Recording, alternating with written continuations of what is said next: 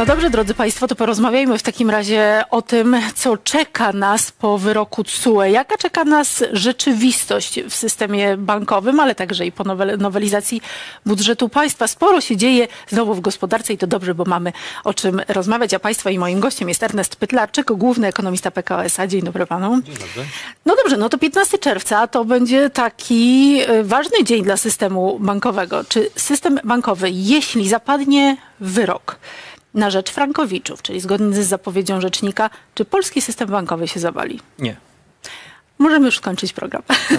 100 miliardów złotych KNF na, na tyle szacuje, że mogłyby być e, oszacowane te koszty związane z wyrokiem korzystnym dla frankowiczów. E, Tak, tylko że to jest już całokształt, e, e, całość kosztów. Pamiętajmy, że banki e, zawiązują rezerwy w poczet przegranych e, pozwów z tak zwanymi frankowiczami, ale to chodzi o tych e, kredytobiorców, którzy zaciągnęli kredyty e, denominowane albo indeksowane do franka szwajcarskiego.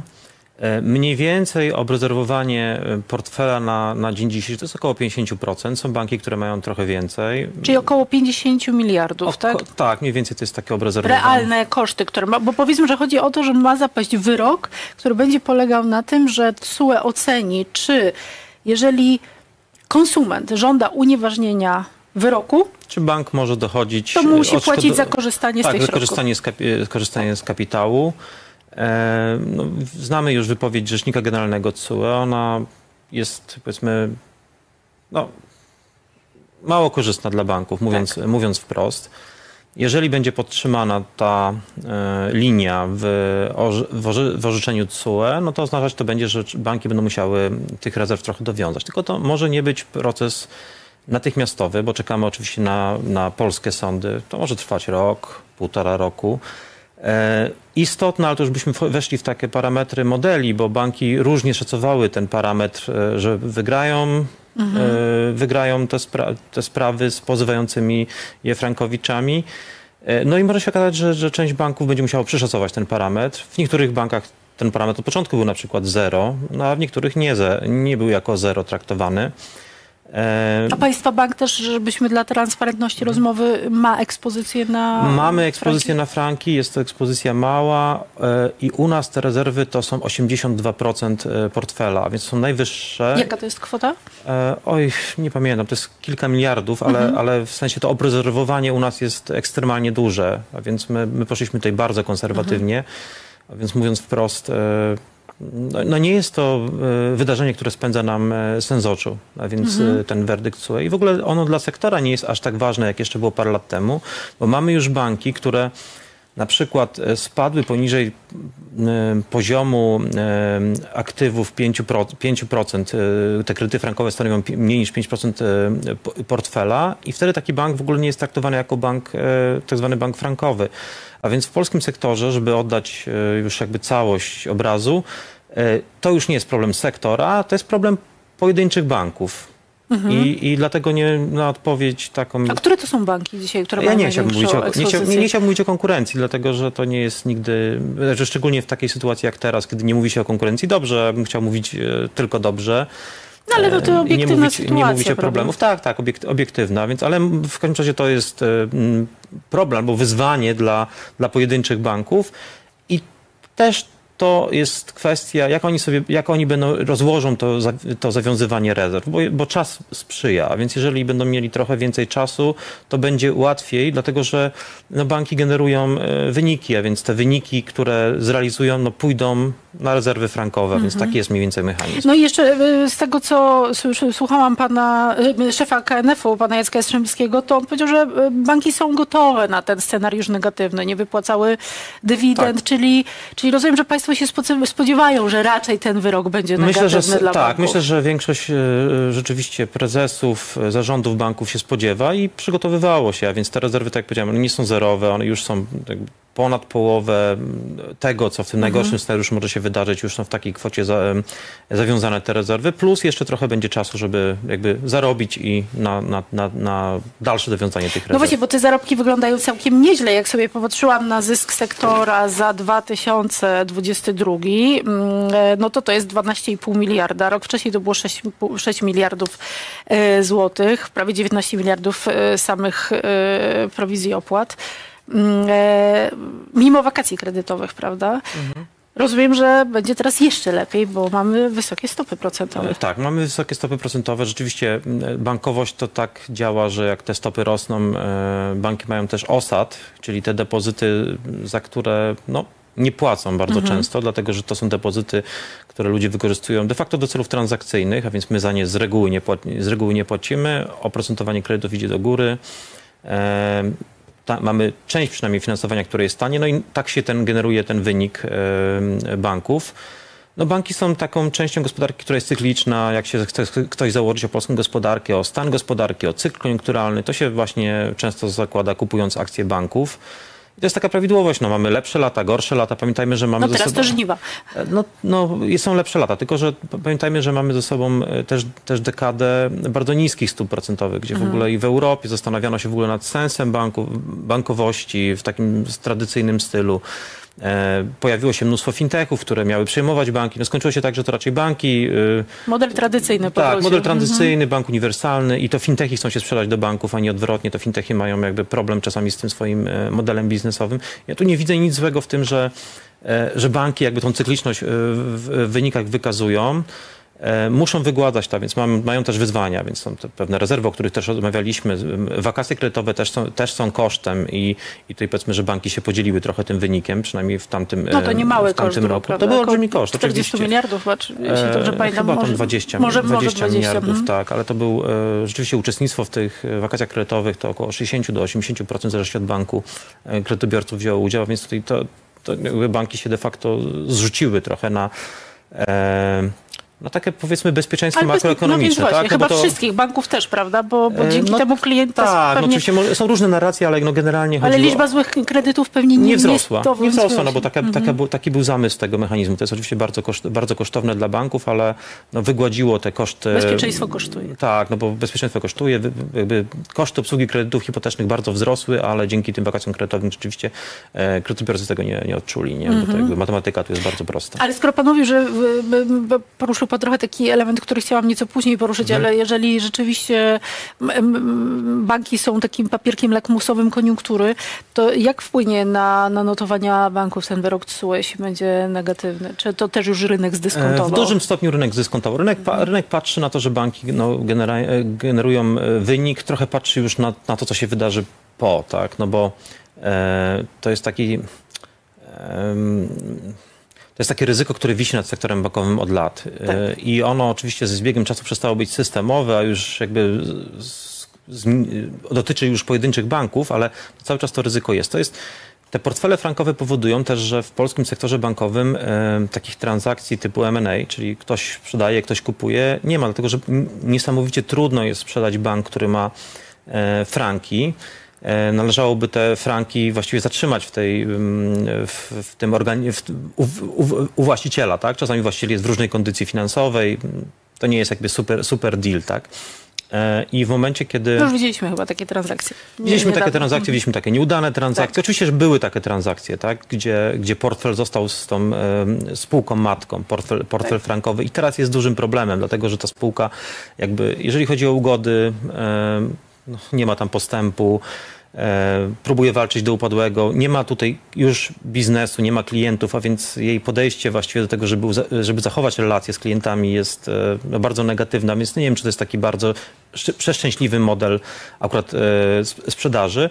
W momencie, kiedy no, będziemy już po tym CUE, kiedy będzie można wycenić, e, ile, ile są warte kredyty, e, ten, ten portfel, rzeczywista jak jest jego wartość, no to wtedy no, ten, do tego sektora wrócą transakcje. My, myślę, że tutaj będą, będą też zainteresowani i opuszczeniem rynku, ale i wejściem na ten rynek. E, Ale generalnie zaufanie do sektora pana zdaniem nie, nie, nie będzie miało dużego obciążenia? Nie, w Polsce, w Polsce zaufanie do sektora jest, e, jest ekstremalne i to pokazuje em, no, ta historia banków, które zostały poddane procedurze resolution, tak, więc e, no, tu widzimy... testom po... No, tak, no widzimy, że, że, że nie było kolejek, kolejek przed oddziałami banków. Tu jest jakby pełna wiara w Bankowy Fundusz Gwarancyjny, e, w pewną interwencję jednak ze strony państwa, więc ta wiara w Polsce jest, obojętnie ludzie mogą e, różne mieć e, opinie na, na temat biznesu, jaki, jaki banki prowadzą, ale wiara w to, że te pieniądze są bezpieczne i na koniec dnia nawet z odsetkami otrzymamy te e, zwrot tych naszych lokat,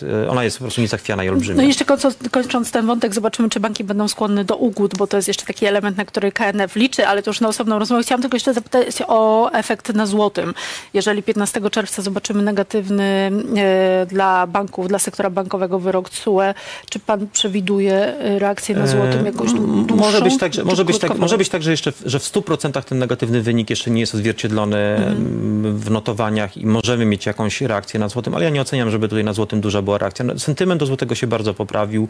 Raczej patrzy, patrzą inwestorzy na e, na, na, na naszą nadwyżkę w handlu, na dynamikę eksportu, na model w ogóle ekonomiczny, że ten model działa, na to, że kasa z Unii, ona no, prawdopodobnie no, będzie płynęła, tak? Są pewne No prędzej czy później perturbacje. KPO dostaniemy. Prędzej czy Mhm. później dokładnie, jakby mówiąc tak cynicznie, ale dostaniemy to, te, te, te pieniądze i inwestorzy tak jakby gdzieś do tego doszli. Mhm.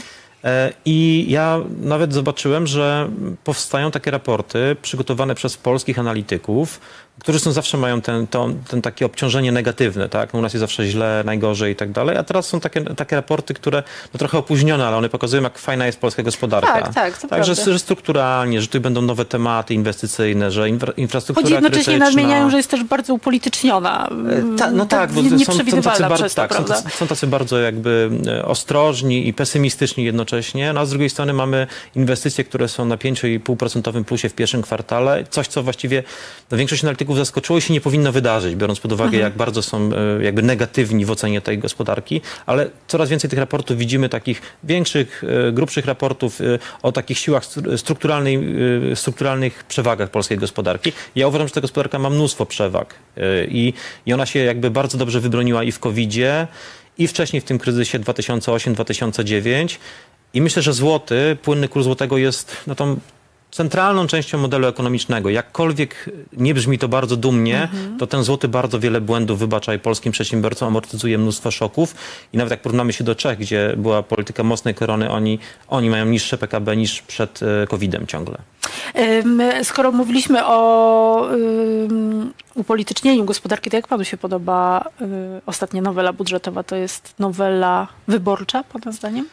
A, ta nowela, gdzie, co tam się zmieniło? Tam się zmieniło 24 kasa miliardy deficytu więcej, więcej dla sam. Tak, że więcej dla samorządów, zgodnie z Tak. zapowiedziami.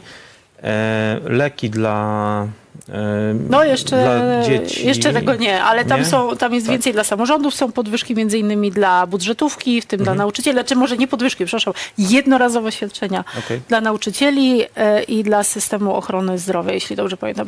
No co ja mam powiedzieć? No jest, e, mamy politykę fiskalną, która jest de facto ekspansywna od, nie wiem, dwóch lat. E, mamy solidną obniżkę podatków, podatku PIT. Tak, jakkolwiek e, ten polski nowy ład nie miał otocz... jakąkolwiek nie, nie cieszyłby się złą sławą medialną, to jednak była duża obniżka podatków. Ale chyba przy wysokiej inflacji można sobie na to pozwolić, prawda? Bo to E, trochę kompensuje. mm. Jednak jeden punkt procentowy inflacji 5 miliardów do budżetu. Że, że kompens- no tak, ale też są wydatki, które są indeksowane, więc Mhm. to nie jest, nie jest taki prosty, to jest jakby ro, prosty rozrachunek w jednym roku, ale w następnym roku ta wyższa inflacja generuje, do niej indeksowane są już, już wydatki. Choć w tak? tym budżecie dopiero teraz zmieniono inflację na 12% średnioroczną, była 9,8, a w poprzednim chyba 3,3, jeśli no dobrze tak, No pamiętam. a to jest taka jakby taka, taka jest trochę mm, metodyka składania budżetów, no, że się w pewnym momencie odcina, data odcięcia się zakłada i się później robi nowelizacja. I później się okazuje, nowelizacja nie, nie jest co roku, nowelizacja jest wtedy, kiedy coś większego się wydarzy. No ja rozumiem, że te zmiany, które teraz są, to są, to są dość duże zmiany. E, I mamy tą dwudziestokilkumiliardową e, podwyżkę, e, podwyżkę planowanego deficytu. 24 miliardy. Tak, no co ja mogę powiedzieć? No jest Do 100 miliardów polityka, prawie dobijał. polityka, tak, że polityka fiskalna jest dość, dość ekspansywna. Pamiętamy oczywiście, że jest pan bankiem z udziałem Skarbu Państwa. Nie ma to znaczenia w tym, co mówię. Znaczy, nie ma, no tak jakby, no co ja okay. mam powiedzieć? No jakby tak, nie, to nie ma znaczenia w mojej ocenie. A to będzie tak? Pana zdaniem proinflacyjne aktywność? Czy to jest, rzucenie czy, kolejnych to, miliardów? Czy to będzie proinflacyjne?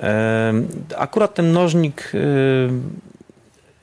mnożnik fiskalny, przełożenie wydatków fiskalnych na inflację nie jest jakoś ekstremalnie duże. NBP zrobił takie szacunki, e, że w przyszłym roku w tym roku to jest jakieś 0,7, zwiększono te, te wydatki 0,7% PKB, w przyszłym roku też te propozycje tak gdzieś do jednego punkta procentowego. Mhm. No to jest, to jest wzrost inflacji o 0,1, 0,3, to są takie szacunki. I tego, ja powiem tak z całą odpowiedzialnością, że tego nikt lepiej w tym kraju niż NBP nie zrobi, dlatego że oni mają bardzo dużo modelarzy, mają model, który jest bardzo kompleksowy i jest cały czas jakby ten model e, estymowany, kalibrowany i my bardzo podobne znaleźliśmy zresztą w, naszy, w naszym raporcie szacunki w literaturze. Są od 0 do 0,5, czyli no bardzo blisko jest mhm. te szacunki e, NBP wpływu inflacji. Czyli są. jest pan w stanie podtrzymać tę swoją prognozę dotyczącą jednocyfrowej inflacji? Tak, na tak. kiedy? Na koniec tego roku, właściwie pewnie wrzesień, październik już będzie jednocyfrowa, dlatego że to, co się wydarzyło w międzyczasie, to jest umocnienie złotego, które nam odejmuje od inflacji praktycznie 1,5 punktu, e, procento, punkta procentowego. Mhm. Więc są ważniejsze rzeczy niż ta polityka fiskalna. Ja rozumiem, że ona jest bardzo medialna, ale ona akurat nie jest najbardziej w tym momencie e, proinflacyjna. Mieliśmy czas COVID-u, gdzie, e, gdzie, PKB, gdzie e, e, deficyt wynosił ponad 7% PKB, a więc ta skala była też inna i to było masowe we wszystkich, we wszystkich krajach. A my mamy rzeczywiście cykl wyborczy tak rozłożony, no, że w tym roku wypada, tak jak przed wyborami samorządowymi, tak, tak przed wyborami parlamentarnymi, no jakby ta polityka fiskalna ona jest trochę bardziej po prostu luźna, tak? A więc to jest ta... E, Delikatnie tak, rzecz ujmując. Tak, tylko że to nie jest najbardziej, to nie jest najbardziej proinflacyjna część. Tak? Ja rozumiem, że to jest medialna, ale jakby ta arytmetyka powoduje, że my nawet e, w tym roku, tym, tym, tym wydarzeniem budżetowym, nawet sobie nie zawracamy głowę, żeby rewidować nasze prognozy inflacji. Myślimy, że złoty okay. jest dużo ważniejszy, są inne czynniki, które są dezinflacyjne dużo ważniejsze w tym roku. A inflacja bazowa, którą poznamy w piątek, jakie są Pana szacunki? My myślimy, że na koniec, na koniec roku też będzie jednocyfrowa. W piątek to jest chyba 11,6%. Powinien powinien pokazać, e, chyba NBP to liczy, e, tak, NBP. Tak, to prawda. E, ale to, to w takim razie pozostając jeszcze przy, przy tych pieniądzach, które e, będą rzucane w rynek, rząd już oficjalnie zaproponował płacę minimalną na przyszły rok i to jest mhm. 4200, znowu dwukrotna podwyżka. E, czyli no, wcale nie tak mało. E, jak pan ocenia? To, to dobry ruch jest, żeby w takim momencie tak skokowo podnosić płacę minimalną? E, no to jest ciekawa dyskusja odnośnie płacy minimalnej, dlatego że do tej pory e, koncentrowaliśmy się wszyscy... Przepraszam, 4200 od, 4242 od, od stycznia i 4300 od lipca. E, zawsze się koncentrowaliśmy na tym, czy ta płaca minimalna, czy ekonomiści byli przeciwni temu, żeby płaca minimalna rosła, bo ona spowoduje bezrobocie. No a tak. teraz jakby już nie ma tej dyskusji, bo mamy jakby naturalne eksperymenty wprowadzone na polskiej gospodarce, że bezrobocie to jednak nie wzrosło z powodu e, wzrostu płacy minimalnej. Dyskusja przesunęła się w stronę takiej proinflacyjności tego ruchu. No i to ciężko nie, nie zobaczyć, że w, w inflacji, e, nawet w tym CPI, tej, tej, tej podstawowej mierze, mierze inflacji, jest komponent usługi pracochłonne na przykład, no to e, no, jesteśmy sobie w stanie wyobrazić, że tam zobaczymy jednak ślad tej, e, tej podwyżki płacy minimalnej. Czy to będzie taki główny czynnik proinflacyjny? Ja myślę, że ta presja, płaco, presja płacowa jest dość, dość szeroka i trochę to jest takie echo tych podwyżek cen inflacji przeszłej. To, że płace rosną około 12% teraz, no to jest raczej, no nie świadczy teraz o jakimś niesamowitym boomie i, i popycie na pracowników. On powiedzmy, że gdzieś tam się zaczyna mhm. stabilizować, tylko to jest odzwierciedlenie trochę takich indeksacyjnych podwyżek. Choć tak jak sobie rozmawiam, że to nie będzie główny czynnik, to nie będzie głównym czynnikiem, ale no. tych czynników proinflacyjnych trochę się zbiera. No tak. Jednocześnie przy silnym rynku pracy zbijanie tej inflacji, która będzie poniżej 10% staje się coraz trudniejsze. Mm, rynek pracy jest silny praktycznie w każdej gospodarce europejskiej, gospodarce gospodarce amerykańskiej. Spodziewa się pan, że NBP podniesie stopy w tej sytuacji? Nie, myślę, że, myślę, że raczej będzie obniżał, dlatego że, jeszcze... dlatego, mhm. że my zbliżamy się do punktu, kiedy będziemy mieli e, realną stopę procentową dodatnią. I od bardzo wielu lat gospodarki, szczególnie gospodarki rozwinięte, nie funkcjonowały z dodatnimi stopami realnymi. I to jest wszystko fajnie jak teraz, kiedy jest wysoka inflacja, ale tak, jak ta inflacja będzie, znaczy jestem się w stanie założyć, że jeżeli dzisiaj byśmy jakby taką dobrą lokatę upolowali i włożyli kasę na rok, to ta lokata pobije inflację. I to jest to, to e, od dzisiaj, tak? Mhm. To jaka to by była? E, no to by było za rok ta inflacja będzie, nie wiem, z 6%, tak, a takie lokaty są, widziałem, za 7,5%. Są na nawet po przykład. 8 jedną No właśnie. No nie wiem, czy jeszcze, ale No więc to pani, jeżeli pani tak coś, jeżeli pani zrobi taką lokatę, to pobije pani Tak. inflację. I to będzie coś, co się od dawna nie wydarzyło. I gospodarka przy realnie dodatnych stopach procentowych, ona inaczej funkcjonuje, bo te gospodarki do tej pory nie funkcjonowały przy takich stopach. I to może być mocno duszące popyt. Zresztą oczekiwania e, co do koniunktury w gł- głównych gospodarkach na ten rok są takie, że one wejdą w recesję. I Stany wejdą w recesję i Europa też prawdopodobnie pod koniec roku wejdzie w recesję. I to więc jest taki dylemat, że walczą, b- walczą e, banki centralne z inflacją, która trochę jest rzeczywiście pochodną rynków pracy, to jest, to jest jasne, ale trochę jest też takim lusterkiem wstecznym tego, co się wydarzyło. Są szoki energetyczne, szoki na rynku żywności, bo nawozy i tak dalej, i tak dalej. Chociaż przed tymi szokami w Polsce też była wysoka, to nie zapominajmy E, była, była wysoka, ale to nie była, ale to nie 8%. była taka, no była, no czy już te szoki już tak naprawdę były, no bo był ten szok covidowy, popyto, popytowy, No tak? tak, tak. A więc to było, to cały świat miał, cały świat wszedł jakby w tą inwazję rosyjską już z inflacją podwyższoną i z podwyżkami stóp procentowych. E, także no to jest, e, jest No to, duże wyzwanie. To skoro tak, to, to jakich się spodziewa? Bo mamy ten tydzień naprawdę no, bogaty Tak, bardzo bardzo wydarzenia ciekawy ekonomiczne, tydzień, tak. su- super ciekawy tydzień. Dobrze, w Warszawie To prawda, choć się na świecie sporo dzieje, bo Europejski Bank Centralny, posiedzenie e, Fedu, jakich pan tutaj się spodziewa decyzji? Oni, rzeczy, oni chyba rzeczywiście mogą jeszcze jakąś korekcyjną podwyżkę zrobić, ale to nie jest W. Europejski Bank Centralny, a Fed E, też? Europejski Bank, Fed, Fed chyba też, dlatego że tam jest no, kwestia tego, że zróbmy, była niby taka pauza, ale może zrobimy i potem jakby zakończymy cykl. To jest taka mniej więcej tutaj e, rozgrywka. Oni mają też problem trochę ze sztyw, z tą sztywnością cen e, i z lepkością inflacji, która nie chce, nie chce za bardzo spadać. E, I ja myślę, że trochę próbują zarządzić oczekiwaniami. Europejski Bank Centralny w ogóle wszedł w taką, w taką retorykę, że ta płace, że tutaj będziemy mieli problem, a ym, ale też jednocześnie pojawia się taki wątek jak e, inflacja ta marżowa, czyli no, że jednak część inflacji, te, ta propagacja inflacji, to, że mamy tę inflację, no w ogóle do takich poziomów dojechała, to się wzięła stąd, że pojawiło się otoczenie, gdzie przedsiębiorstwa pierwszy lat od dekady mogły e, no, znaczy tak, konkurencja podwyższa ceny, to my trochę więcej Trochę podwyższy- greedflation. To jest dokładnie greedflation, Czyli- tak? To jest, to jest... Czyli wyższa niż powinna być po Tak, prostu. i to jest, e, to była taka bardzo obrazoburcza teza, ale teraz to przeszło już do mainstreamu.